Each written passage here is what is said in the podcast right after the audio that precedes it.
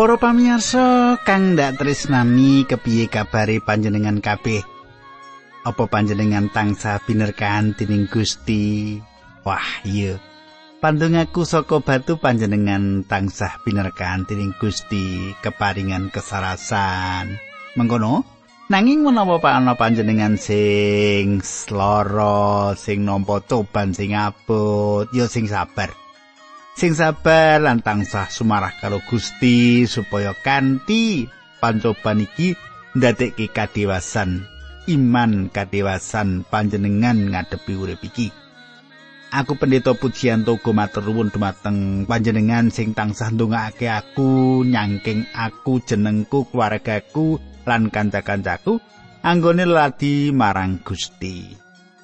Adicara margi utami bakal bebarengan karo panjenengan sugeng midhangetake adicara iki.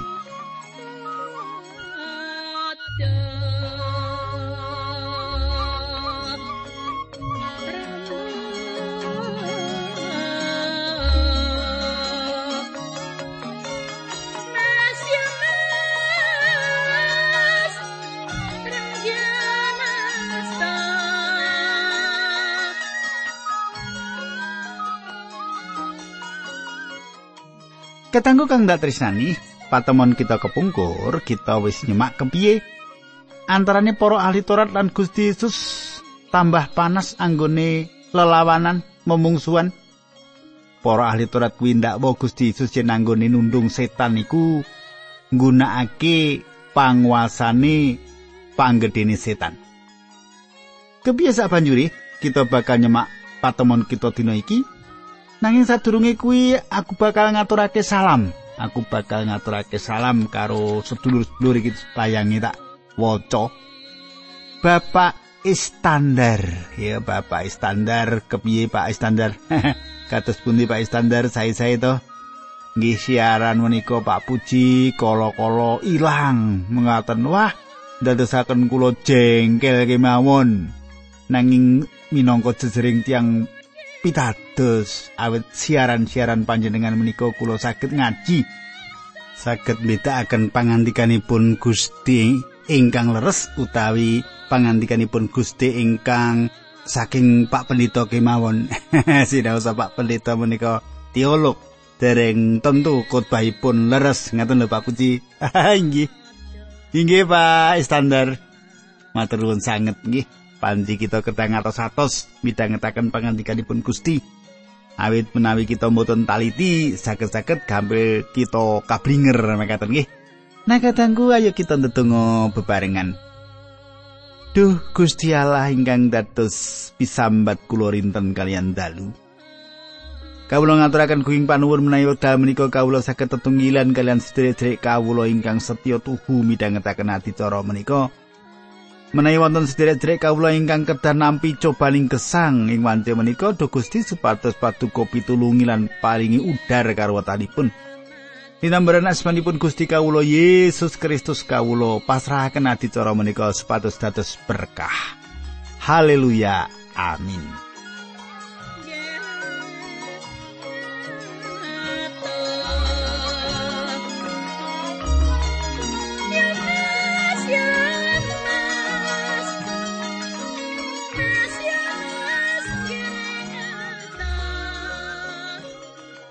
Sumitraku kita saiki ngancik Injil Markus bab 4 ayat 1. Kang meratelake mengkene, ayo panjenengan semak wi kitab suci ini. Aku nggunakake basa pedinan ya. Gusti Yesus mulang wong-wong meneh ana ing sak pinggire tlaga Galilea, akeh banget wong-wong sing padha ngrubung panjenengani. Mulane panjenengani kepeksa munggah ana ing prau sing ana ing tlaga. Kadangku. Matius negasake ana ing perkara iki awit dheweke mratelakake yen Gusti Yesus tindak metu omah lan panjenengane mlebu ing sawijining prau. Apa kang ditindakake iku kebak pasemon. Omah umume nggambarake omah Israel lan laut nggambarake bangsa-bangsa dudu Yahudi. Kang ditindakake Gusti Yesus yaiku ngungkurake umat kagungane lan panjenengane tindak ngrawi jagat iki. Ya mengkono iku kang dadi asal usule pasemon-pasemon iki kang kudu disemak kanthi jangkep. Perkara-perkara iku dumadi ing pucak pelayanane. Panjenengane banget repot pakaryan kang ditindakake menet panjenengani nganti secara kajasmanen kerapan utawa kesel. Tak terusake maca ayat loro akeh banget. Perkara-perkara sing diwulangake dening Gusti Yesus marang wong-wong mau anggone mulang nganggo pasemon-pasemon. Kadangku Gusti Yesus anggone mulang wuruk perkara-perkara kang akeh marang wong akeh nggunakake pasemon. Saiki panjenengane mulang wuruk kanthi nggunakake pasemon wong kang nyebar wiji. Ayat telu nganti pitu mengkene surasani pangandikane Gusti Yesus mengkene padha rungokno ana wong nyebar wiji Nalika nyebar mau ana wiji sing tiba ing pinggir dalan, wiji mau nuli dicucuki manuk nganti entek. Wiji liyane ana sing tiba ing padasan sing lemahe tipis banget. Wiji mau pancen gelis tukul. Nanging bareng srengenge wis dhuwur, wiji mau kepanasan nuli alum lan dadi garing merga yote ora jeru lan lemahe mung setitik. Wiji liyane meneh tiba ing panggonan sing akeh rine, rine ya tukul lan bareng eri mau saya gedhe, Suwe-suwe banjur ngesuk wiji sing wis tukul mau nganti wiji mau ora bisa metokake woh. Kadangku. Kang kapratelake ing pangandikan iki yaiku kegayutan karo jinis lemah ing ngendi wiji-wiji mau tiba. Lan wiji-wiji mau nggambarake wong kang durung slamet kang ora gelem nampa kabar Injil. Wong-wong mau ora gelem nampani pangandikane Allah. urip wong-wong mau kaya wiji kang tiba no pinggir dalan banjur dicucuki manuk-manuk mau. Iki nggambarake iblis kang ngrebut pangandikane Allah saka atine wong-wong mau. Sateruse wiji mau tumiba ing lemah kang akeh watune utawa ing padasan nalika sengenge jumedul banjur wiji-wiji mau garing. Awit lemah ing ngendi wiji mau tiba ora jero wiji liyane tumiba ing lemah kang akeh rine wiji mau uga ora bisa tukul nanging ana sing tiba ana ing lemah kang subur. Ayat 8. Nanging uga ana wiji sing tiba ing lemah sing subur, wiji mau tukul dadi gedhi, nuli metokake wakeh ana sing tikel telung puluh, ana sing tikel swidak lan ana sing tikel satus. Kadangku kang dak tresnani nyemak pangandikan iki kita mung duwe seprapat wiji kang tiba ana lemah kang subur. Iki nggambarake wong-wong kang dislametake, wong-wong kang gelem nampani pangandikane Gusti. Nanging sinadyan mengkono ana tingkatan panenan kang diasilke. Ana kang 30, ana kang 60, ana kang 100. Gusti Yesus ngendika marang para murid nalika ana ing kamar siji dhuwur ing sajroning lumaku menyang Taman Getsemani. Aku wit anggur kang becik. Sepanjure panjenengane ngendika marang para murid yen panjenengane ngersakake para murid mau ngasilake woh. Luwih akeh woh lan woh kang luber-luber. Ana telung tingkatan kang ngasilake woh kang dadi umat kagungane ing conto mau. Padha karo kang kita temokake telung tingkatan ing pasemon iki. Bapak 4 ayat 10 nganti ayat rolas mungkin surasani. Ayat songo. Gusti Yesus mungkasi pasemon mau srana ngendika rungokno sing temenan yen kupingmu isih kena kanggo ngrungokake. Ayat 10. Nalika Gusti Yesus piyambakan ana wong sawetara sing melu ngrungokake pangandikane mau padha sowan, bebarengan karo para rasul padha nyuwun marang Gusti Yesus kersa nerangake karepe pasemon mau. Gusti Yesus nuli ngendika marang wong-wong mau kowe wis padha diulang bab wadining kratoning Allah nang tumrap wong-wong njaba. Perkara kuwi diwulangake nganggo pasemon. Sing mengkono kuwi wis dadi kersane Gusti Allah supaya wong-wong mau senadan durung ndeleng nanging ora weruh, terus ngrungokake nanging ora ngerti sebab yen wong-wong mau weruh lan ngerti bisa go wong mau nuli padha mertobat lan padha diapura dosane. Sumitraku kang ndak tresnani cetha ana kang ora mengerti babar blas kegayutan karo pasemon mau. Para mungsuhe panjenengane nampi apa kang diwulangake panjenengane lan wong akeh padha ora merduli marang kayekten rohani. Wong-wong mau kasengsem marang mukjizat kang ditindakake. Dudu apa kang kudu diterapake ing urip rohanine. Panjenengane saiki nggunakake pasemon-pasemon supaya ndudut atine wong-wong mau. Patrap memungsuan para mungsuhe panjenengane lan patrap kang keset ora merduli lan kurange mangerti wong akeh iku dadi jalaran panjenengan ing nggunakake wulangane nganggo pasemon-pasemon kanthi mengkono wong-wong mau kang ngelih lan ngelak kayekten bakal dicukupi lan kang duwe pangarep-arep kayekten rohani bisa kabuka mripate. Kadangku Paulus nulis ana ing siji Korinta loro ayat 9 mengkene. Nanging kaya sing dingendikake ana ing kitab suci apa sing durung tau dideleng utawa dirungu, apa sing ora dipikirake dening manungsa, ya perkara-perkara kuwi sing wis dicawisake dening Gusti Allah kanggo wong sing padha tresna marang panjenengani. Sapanjure diterusake ing ayat 13. Mulane menawa aku padha nerangake bab kayektene Gusti Allah marang wong-wong sing padha duweni roh Gusti Allah, aku ora padha nganggo kawicaksanane manungsa nanging manut piwulanging roh Gusti Allah. Katanggu pangandikan iki mratelake sawijining prinsip kang utama kang diwenehake Paulus lan isih diterapke nganti tumeka saiki. Menawa atilan mripate wong tinarbuka lan pengin ngerti, mula Sang Roh Allah bakal maringake kayekten utama ing sajroning atine. Panjenengan bakal gawe perkara-perkara iki dadi nyata lan urip ana ing sajroning wong iku. Kala-kala kita kondo menawa kita bakal ilang yen kita ora nampa Sang Kristus minangka juru selamat panjenengan. Iku dudu kayekten kang sabenere. Kayektene yaiku panjenengan wis ilang. perkara kang kudune dinyatakake kanthi pas iku yen panjenengan bakal terus ilang menawa panjenengan ora nampa Sang Kristus minangka juru slamet panjenengan. Menawa panjenengan dadi wong kang ilang, mula panjenengan bener-bener ilang. Tanggapan panjenengan lan anggon panjenengan nampa pangandikane Gusti Allah bakal nemtokake apa panjenengan slamet utawa ora. Apa panjenengan kersa nampa panjenengani minangka juru wilujeng panjenengan? Kadangku, jinis lemah kang kepiye panjenengan saiki? Apa panjenengan kalebu lemah kang akeh ini? Kanthi mengkono wiji kang tiba no pinggir dalan utawa ing lemah kang akeh rini dadi ora isa tukul dipangan manuk utawa apa pangandikane Allah kuwi tiba ing lemah kang subur iki perkara kang penting kita kabeh ilang lan anggon kita nampa pangandikane Allah iki nemtokake apa kita dislametake utawa apa kita tetep dadi wong kang ilang. Saiki Gusti Yesus paring keterangan saka pasemon mau. Ayat telulas nganti ayat rong puluh tak wacake urutan ya. Gusti Yesus nulindangu marang wong-wong mau menawa kowe padha ora ngerti isine pasemon kuwi, apa kowe ngerti tegese pasemon-pasemon liyane?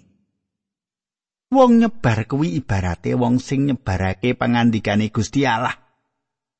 Ana kalane pangandikan mau tiba ing pinggir-pinggir dalan. Kuwi ibarate wong-wong sing padha ngrungu pangandikan mau. Nanging ora suwe iblis nuli teka lan buang pangandika sing dirungu mau saka atine. Wiji sing tiba ana ing padasan kuwi ibarate wong-wong sing padha krungu pangandika mau lan nampa kelawan bunga ing ati. Nanging pangandika mau ora nganti ngoyot ana ing atine, mulane ora tahan suwe ana ing kono. Bareng ana panindes lan panganiaya marang wong sing padha percaya marang pangandikane Gusti Allah mau, wong-wong kuwi banjur padha murtad. Dene wiji sing tiba ana ing panggonan ri kuwi ibarate wong-wong sing padha ngrungokake pangandika kuwi. Nanging dayane pangandika mau didesek dening rasa kuwatir tumrap panguripan kadonyan. Sebab wong-wong mau padha kepingin dadi wong sugih lan keburu nepsu tumrap perkara rupa-rupa nganti pungkasane pangandikane Gusti Allah mau ora ndayani wong mau meneh satemah pangandika kuwi ora metokake woh. Pangandika sing disebar ana ing tanah subur kuwi ibarate wong-wong sing padha krungu. Nuli nampani pangandika mau kelawan percaya satemah metu wae ana sing tikel 30, ana sing tikel 60 lan ana sing tikel 100. Kadangku sing ndak tresnani. wong kang nyebar wiji yaiku putraning manungsa lan wiji kuwi yaiku pangandikane Gusti Allah. Manuk-manuk iku gambarane iblis, wong kang ngrungokake kang jinise padasan yaiku wong-wong kang ngidinake kasusahan lan panganiaya kang dadi jalaran ngedohake saka Gusti Allah. Patrap iki yaiku nggambarake sifat kedagingan lan akeh wong dewasa iki ngejarake sifat kedagingan kang dadi jalaran ngedohake saka Allah.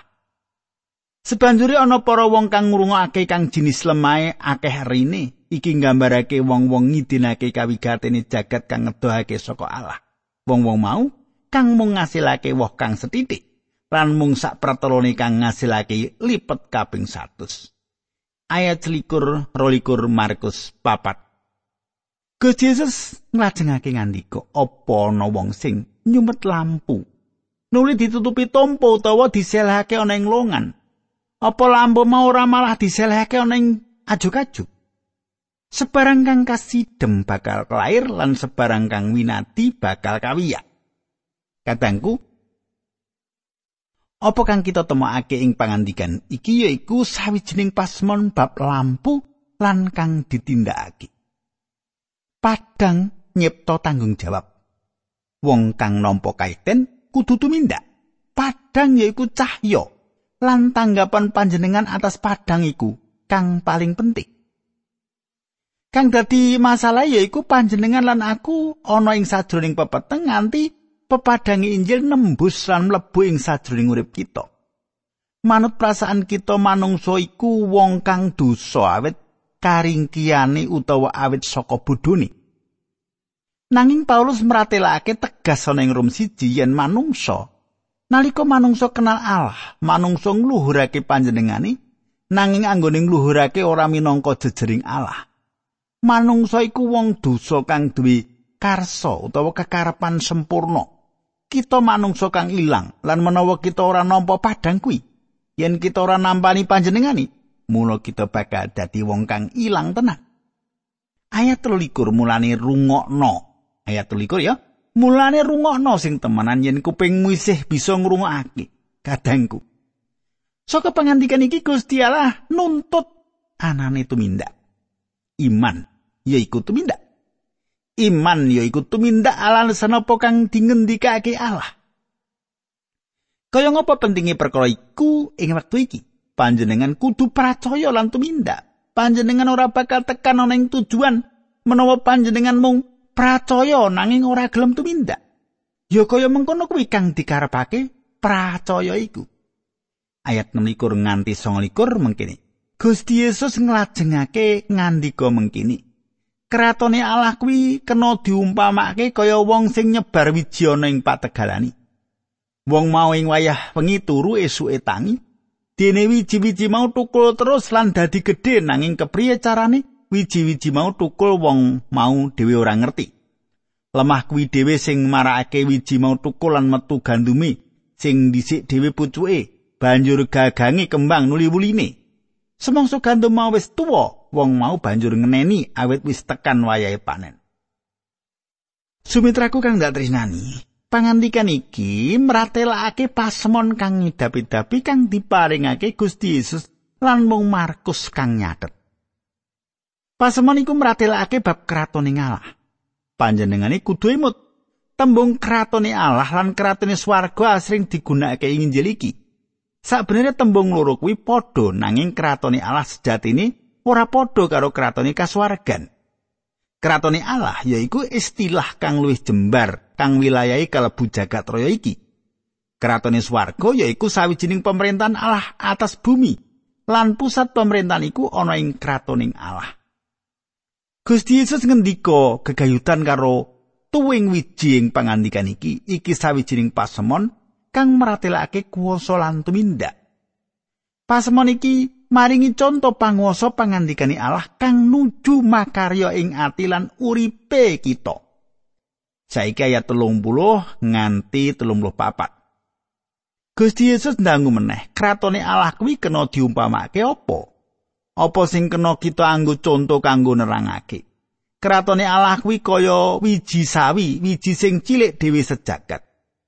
Menawa ditandur nuli tukul lan dadine gedhe ngungkuli tanduran-tanduran jejanganan liyane pang-pange ketel nganti manuk-manuk bisa padha mincok lan gawe susuh ana ing pang-pang mau Mengkono Gusti Yesus nggone mulangake pangandikane Gusti Allah marang wong-wong ya kuwi ngagem pasemon sing gampang dingerteni. Gusti Yesus nggone mulang wong-wong mesti ngagem pasemon. Mung samangsa panjenengane piyambakan karo para murid lagi kabeh piwulangi mau diterangake. Katangku, wiji sawi dudu sawijining panganan. Sawi iku sawijining bumbu. Tuwing wiji sawi dadi wit gedhe dianggep ora alami. Perkara iki nggambarake tuwing secara tata lahir kekristenan dadi organisasi-organisasi kang gedhe. Kayata gereja gedhe, program gedhe, kabeh kang dihasilake dening kekuatane manungsa lan dudawit saka Sang Roh Suci. Manuk-manuk kang mencok ana ing pang-pang gambarake iblis.